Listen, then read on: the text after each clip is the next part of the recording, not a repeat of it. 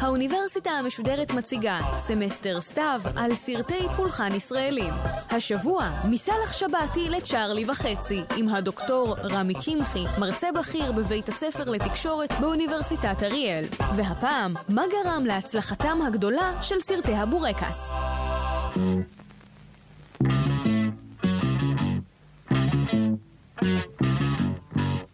ערב טוב. בארבע ההרצאות הקרובות אדבר על סרטי הבורקס. אנחנו נתחיל בכך שנדבר על ההצלחה הפנומנלית והמתמשכת של סרטי הבורקס, וננסה להסביר אותה. אחר כך ניכנס לבדוק את הפרדיגמה, את התבנית של מחזור, הסייקל של סרטי הבורקס.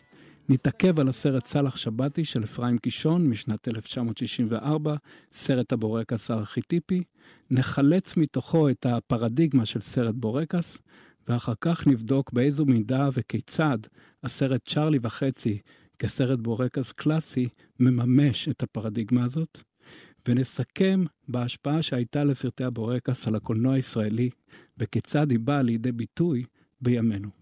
במסגרת זאת נדון בתופעות שאותן הגדרתי בספרי שטטל בארץ ישראל, סרטי הבורקס ומקורותיהם בספרות יידיש קלאסית, כניאו-בורקס ופוסט-בורקס. אז אנחנו פותחים בהצלחה של סרטי הבורקס.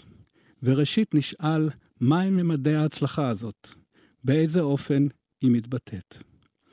אפשר להתחיל בכך שסאלח שבתי, סרט הבורקס הראשון, למרות כל השנים שעברו מאז, האוכלוסייה שריבעה את עצמה וההצלחות של הקולנוע הישראלי של השנים האחרונות, מבחינת מכירת הכרטיסים, ה-box office revenue, הוא נומינלית, כלומר מספרית, עדיין אחד משוברי הקופות הישראלים הגדולים ביותר של כל הזמנים.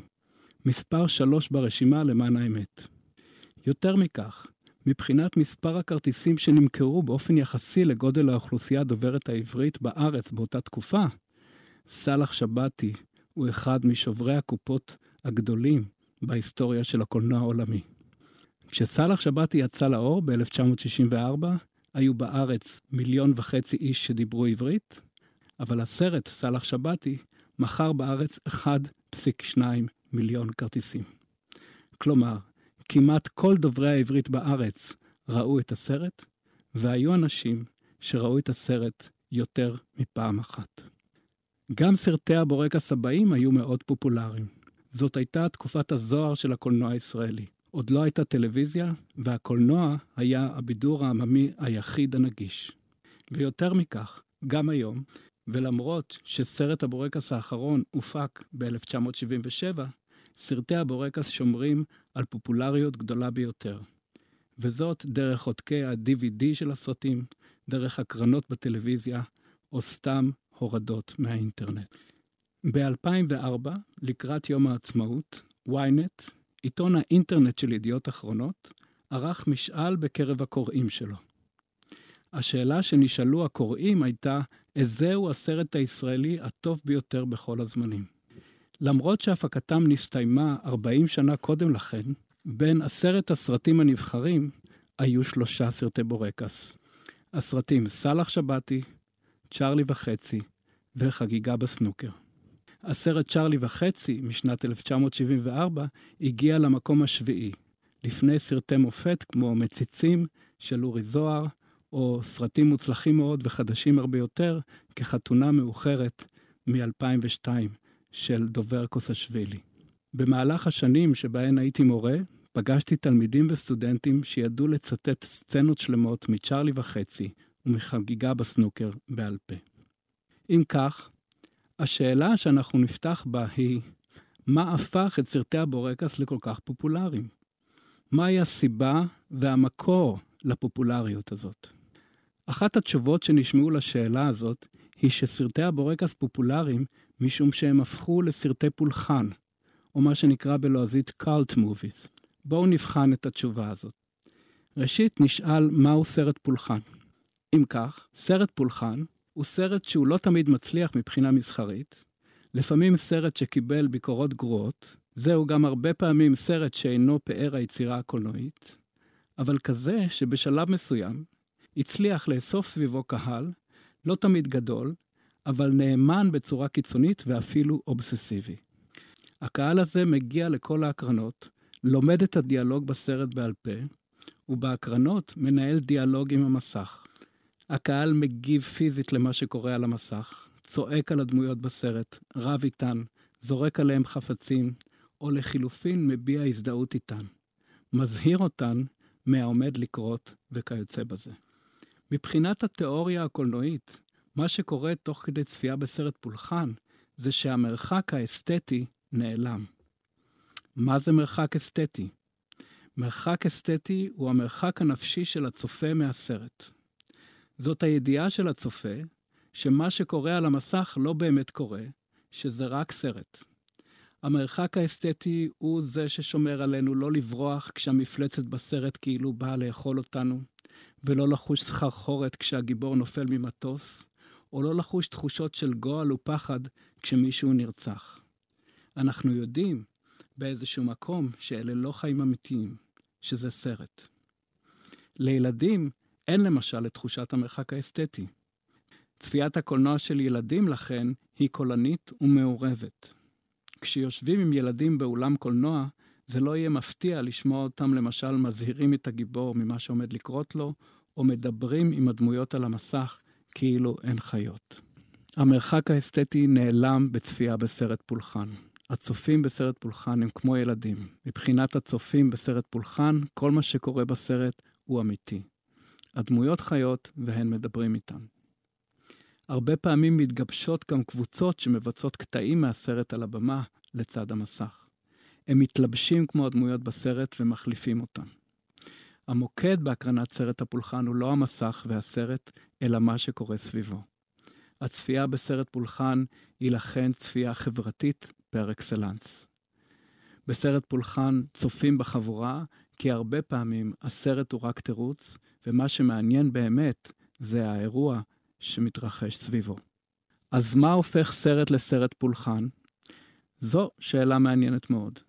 אני לא בטוח שיש על זה תשובה חד משמעית, אבל נדמה לי שאף סרט מופת לא הפך לקראלט מובי, לא הפך לסרט פולחן.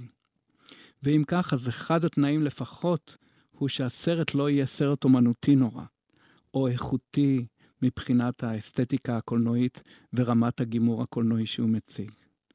נראה לי שזה תנאי הכרחי, משום שאם הסרט עשוי באופן מופתי ויש לו שאיפות אומנותיות, אתה כצופה אינטואיטיבית מכבד אותו, את הסרט, ואז גם לא נעים לך להתחרות בו או להפריע למהלכו. אתה גם שקוע בו ואין לך עניין להפריע לו. אבל אם הסרט עשוי בצורה רשלנית ועושה רושם שהוא לא לוקח את עצמו ברצינות כיצירה קולנועית, אז אין בעיה לכאורה להפריע לו. הוא לכאורה מזמין הפרעה. כך למשל, מספרים שהרפליקה הראשונה שנזרקה מהקהל לעבר המסך בסרט מופע הקולנוע של רוקי מ-1975, רוקי הורר פיקצ'ר שואו, הייתה קחי כסף ותקני מטריה יא כלבה. הרפליקה הזאת נזרקה לעבר הגיבורה, שהשתמשה בנייר עיתון כדי להגן על עצמה מפני גשם שוטף. אם ננתח את הרפליקה הזאת, נמצא שמה שהפך את ההפרעה הזאת לאפשרית, זה חוסר האמינות שבסיטואציה שהוצגה על המסך. זה לא הגיוני שמישהו יגן על עצמו מגשם בעזרת עיתון. כי הרי זה ברור שעיתון הוא לא waterproof, הוא לא חסין מים. באותו עניין אפשר להצביע על העובדה שכמה מהסרטים של אד ווד, למשל, שנחשב לבמאי הגרוע ביותר בעולם, הפכו לקאלט מוביז. הקהל מגיע כדי לצחוק על הפגמים שבהם. אבל זה רק תנאי אחד. התנאי השני הוא שהסרט יהפוך לקונקרטי, איזשהו קונפליקט חברתי שנוטים להסתיר אותו. שיהיה בסרט ייצוג לקונפליקטים חברתיים או תרבותיים שאנשים נוטים לטאטא מתחת לשטיח. שהסרט יהיה חתרני מבחינה חברתית. במופע הקולנוע של רוקי למשל, שהוא סרט הפולחן האולטימטיבי, יש ייצוג להתנהגויות סוטות מבחינה חברתית שלא נהוג לדבר עליהן, כמו דומיניות, טרנסג'נדריות, הומוסקסואליות, קניבליזם וכולי. עכשיו נעבור לסרטי הבורקס. האם ניתן להגדיר אותם כסרטי פולחן? האם ניתן להגדיר אותם כקולט מוביז? זה נכון שסרטי הבורקס עונים על תנאים אחדים של סרט פולחן. בעניין זה אפשר לומר ראשית כי הרבה מסרטי הבורקס עשויים לכאורה ברשלנות, ולא לוקחים עצמם ברצינות כיצירה קולנועית. אני מייסג את דבריי בלכאורה, כי נראה בהמשך שהרבה פעמים הרשלנות הזאת מכוונת, והיא חלק מהטקטיקה הקולנועית של הסרט. וגם כי לא כל סרטי הבורקס הם כאלה. בוודאי שסאלח שבתי אינו כזה. שנית, סרטי הבורקס הופכים לקונקרטי קונפליקט חברתי שנוטים שלא לדבר עליו בשיח הישראלי. יש בסרטים האלה כמובן ייצוג מרכזי לקונפליקט בין האשכנזים למזרחים. אבל יש גם כמה בעיות בהגדרתם של סרטי הבורקס כסרטי פולחן. ראשית, כפי שהקדמנו ואמרנו, סרטי הבורקס דווקא זכו להצלחה מסחרית גדולה מאוד בעת יציאתם לאור, והם עדיין פופולריים מאוד בקרב קהלים רחבים. ובכך הם שונים מסרטי הפולחן הקלאסיים, שחלק מכוח המשיכה שלהם לגבי הצופים המכורים שלהם, נעוץ בעובדה שהסרטים האלה עומדים במרכזו של ריטואל של קבוצה קטנה יחסית של אנשים. ריטואל שהאחרים לא שותפים לו.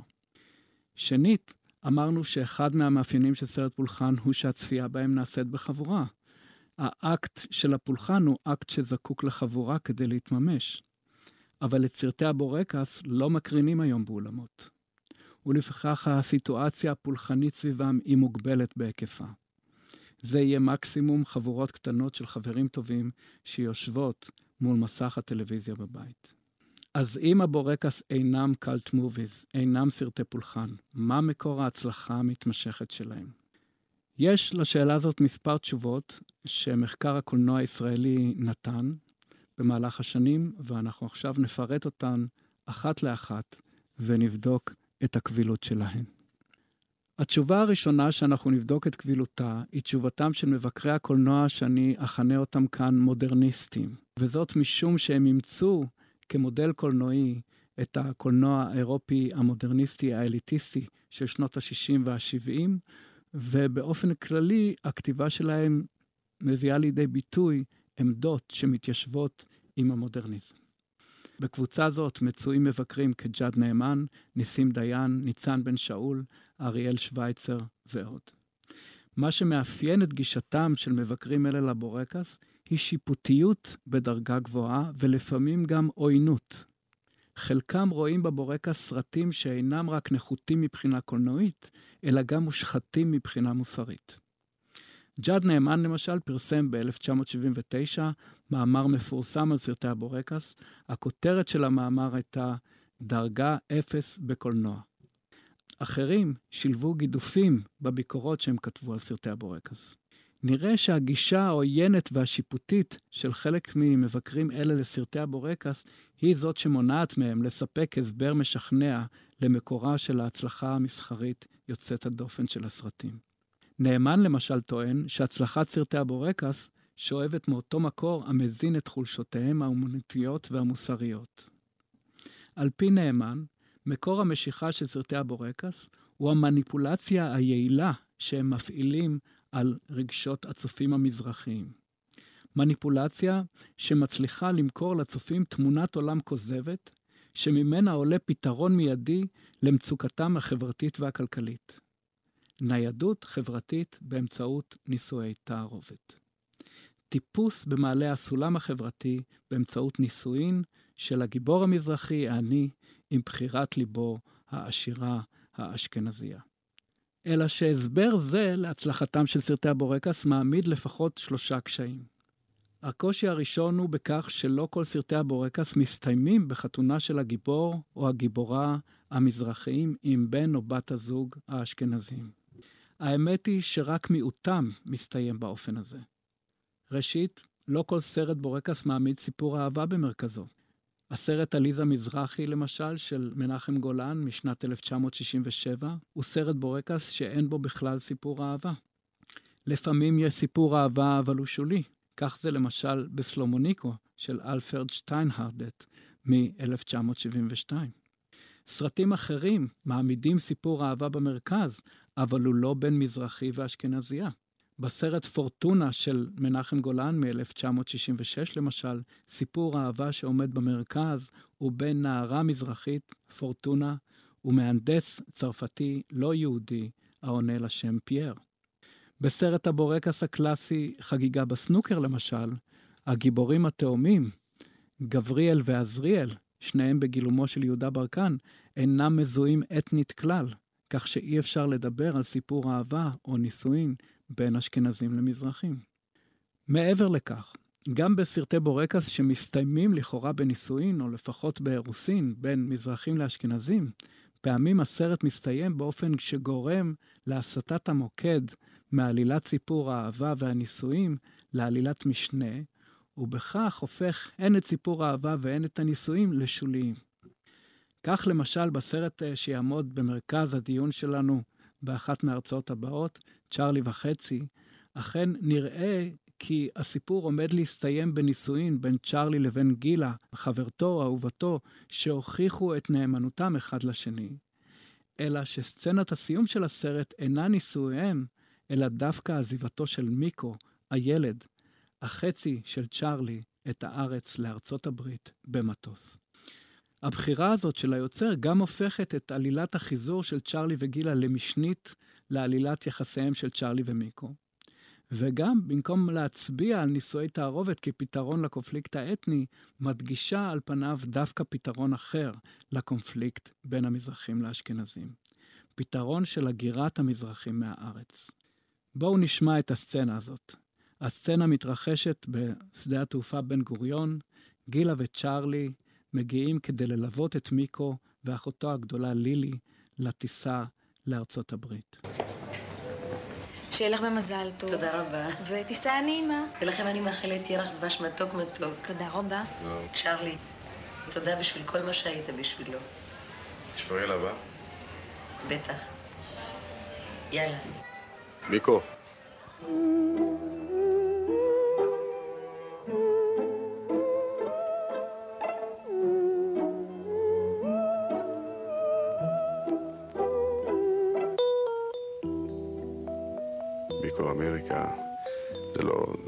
פה. חלאס קלפים, חלאס דרווינים. אתה תלך לבית ספר. אין למורות שם גינה. אתה תהיה בן אדם. ותכתבו, אה? יאללה.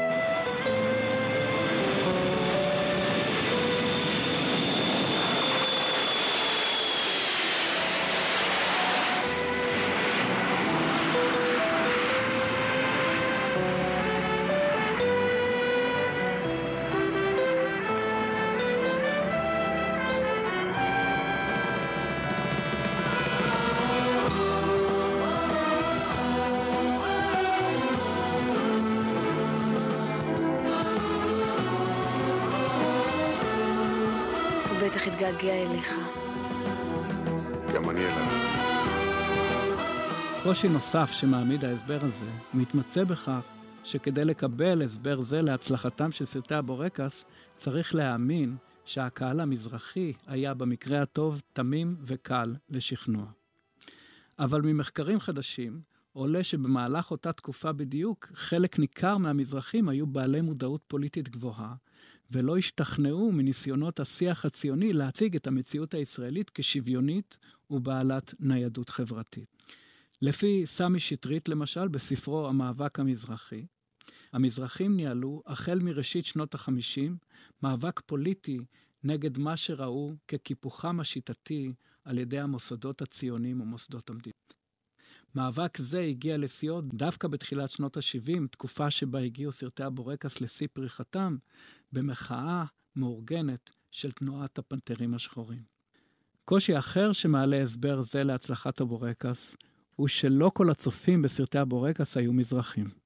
חלק לא מבוטל מהם היו אשכנזים, שכן סרטי הבורקס משכו קהלים שהיו, כפי שטוען יעקב גרוס בספרו על תולדות הסרט העברי, מגוונים מבחינה אתנית. יש לשאול, אם כן, אם אכן ההבטחה הכוזבת לשילוב מלא של המזרחים בחברה הישראלית הייתה כוח המשיכה היחיד של סרטי הבורקס, מה אפוא משך אליהם את הצופים האשכנזים? אפשר אם כך לסכם שההסבר שגורס שהבורקס הצליחו, משום שהבטיחו לצופים המזרחים טיפוס במעלה הסולם החברתי באמצעות נישואי תערובת, לא לגמרי משכנע. יש עוד קבוצת מבקרים שעסקה בסרטי הבורקס, והיא מציעה הסבר אחר להצלחתם של הסרטים. לפני שנגיע להסבר שמספקת קבוצה זאת להצלחתם של הבורקס, ננסה להבין את האופן שבו רואה קבוצת מבקרים זאת את סרטי הבורקס.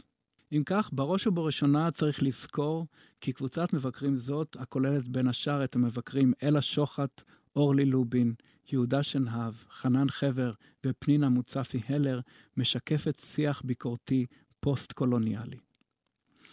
מה זה שיח פוסט-קולוניאלי? זהו שיח שהתפתח במדינות שהשתחררו משליטה קולוניאלית אירופית בשנות ה-70, והוא מביט אל המציאות דרך הקונפליקט בין העולם הראשון והעולם השלישי, בין התרבות האירופית לתרבויות הלא-אירופיות.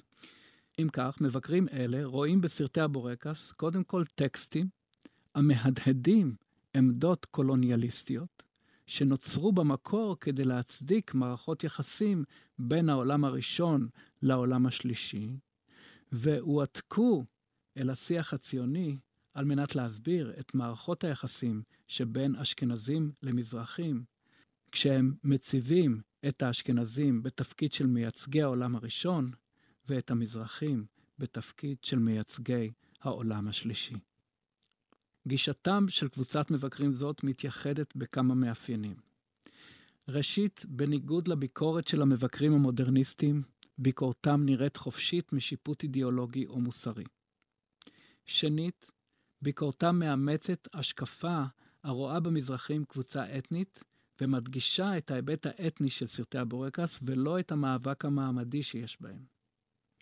שלישית, הביקורת שלהם רואה בסרטי הבורקס סרטים שמהדהדים אידיאולוגיה ציונית ולא שום אסקפיזם שנועד להחניף למזרחים. אלה שוחט למשל, בספרה הקולנוע הישראלי, היסטוריה ואידיאולוגיה, מסרבת לראות בבורקס סרטים המעודדים אסקפיזם חברתי. בעיני שוחט, סרטי הבורקס הם טקסטים אוריינטליסטיים, כלומר טקסטים המשקפים את העמדה שהתרבות המזרחית היא תרבות נחותה, ושמטרתם הברורה היא לשכנע את הצופים בנחיתותם האתנית המהותית כביכול של המזרחים לעומת האשכנזים. השקפה דומה מציג שטרית שרואה בסרטי הבורקס תעמולה ציונית אוריינטליסטית למזרחים, שמטרתה לשכנע אותם שהם הם האשמים במעמדם החברתי, הכלכלי, הנחות בישראל. חוקרים אחרים מקבוצה זו, כמו שנהב, חבר ומוצפי, מציגים השקפה שונה מעט.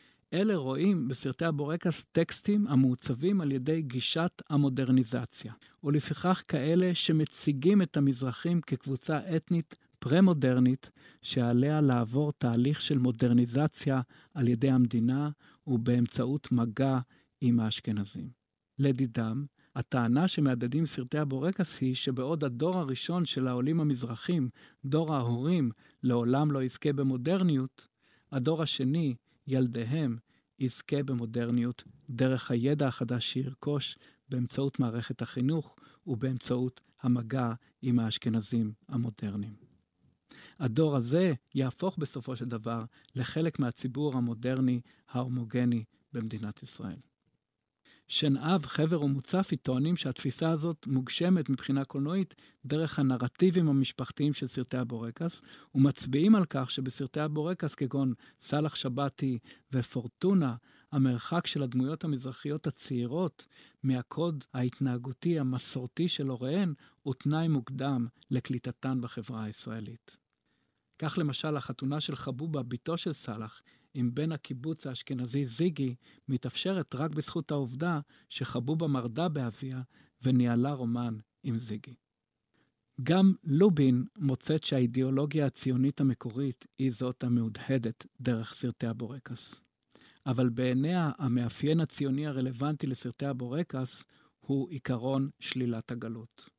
לובין טוענת שכל ייצוגי המזרחים בקולנוע הישראלי לרבות הייצוג שלהם בסרטי הבורקס, נועדו להציג את התביעה הציונית מהעולים המזרחים להתכחש לתרבויות הקודמות שלהם על מנת להיקלט בחברה הישראלית המודרנית. לטענתה, המזרחים בקולנוע הישראלי עוברים מסע שנקודת המוצא שלו היא גלותית, ונקודת הסיום שלו היא הציונות המאופיינת כמודרנית. מסע שדרכו הם חוזרים על נרטיב העל הציוני של גלות וגאולה.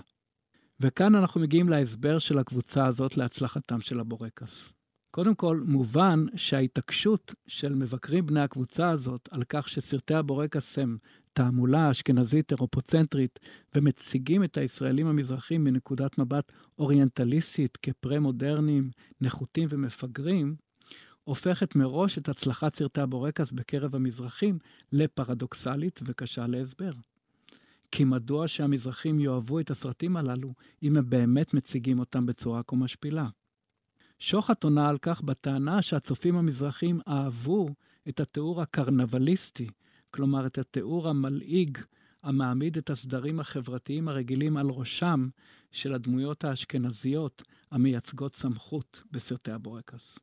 כמו למשל התיאור הלעגני של ראשי הקיבוץ בסאלח שבתי, והתיאור המזלזל של פקיד העירייה האשכנזי בסרט קזבלן, או אפילו התיאור המגחיך של המחזר האשכנזי האמריקני של גילה, שהוא צ'לן בתזמורת קלאסית בצ'ארלי וחצי.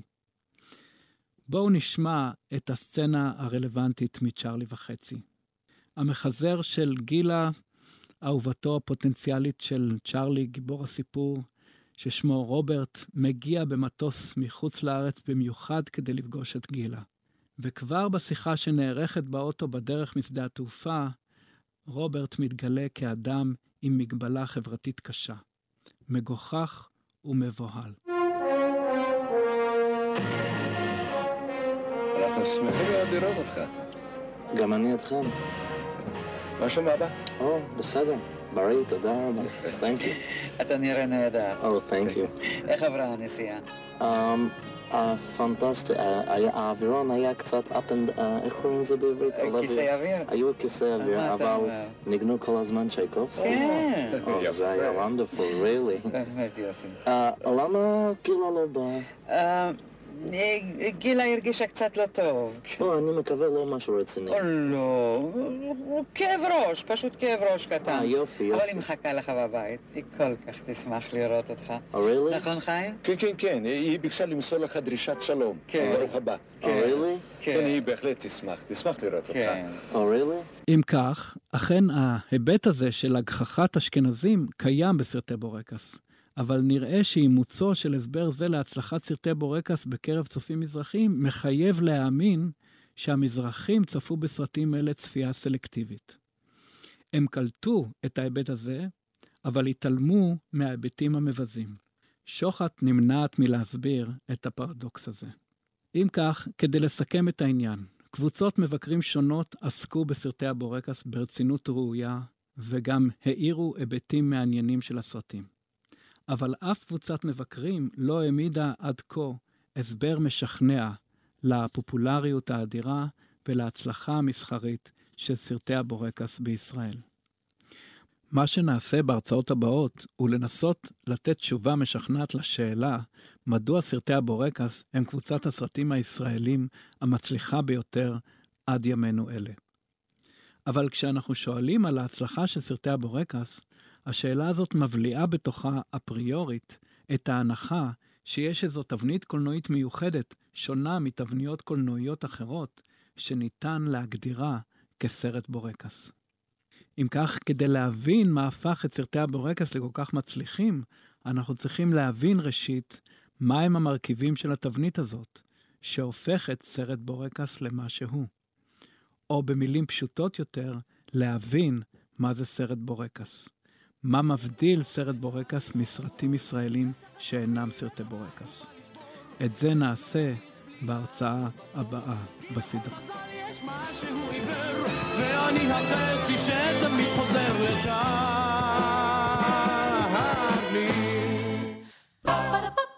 Ba-da-ba-ba-ba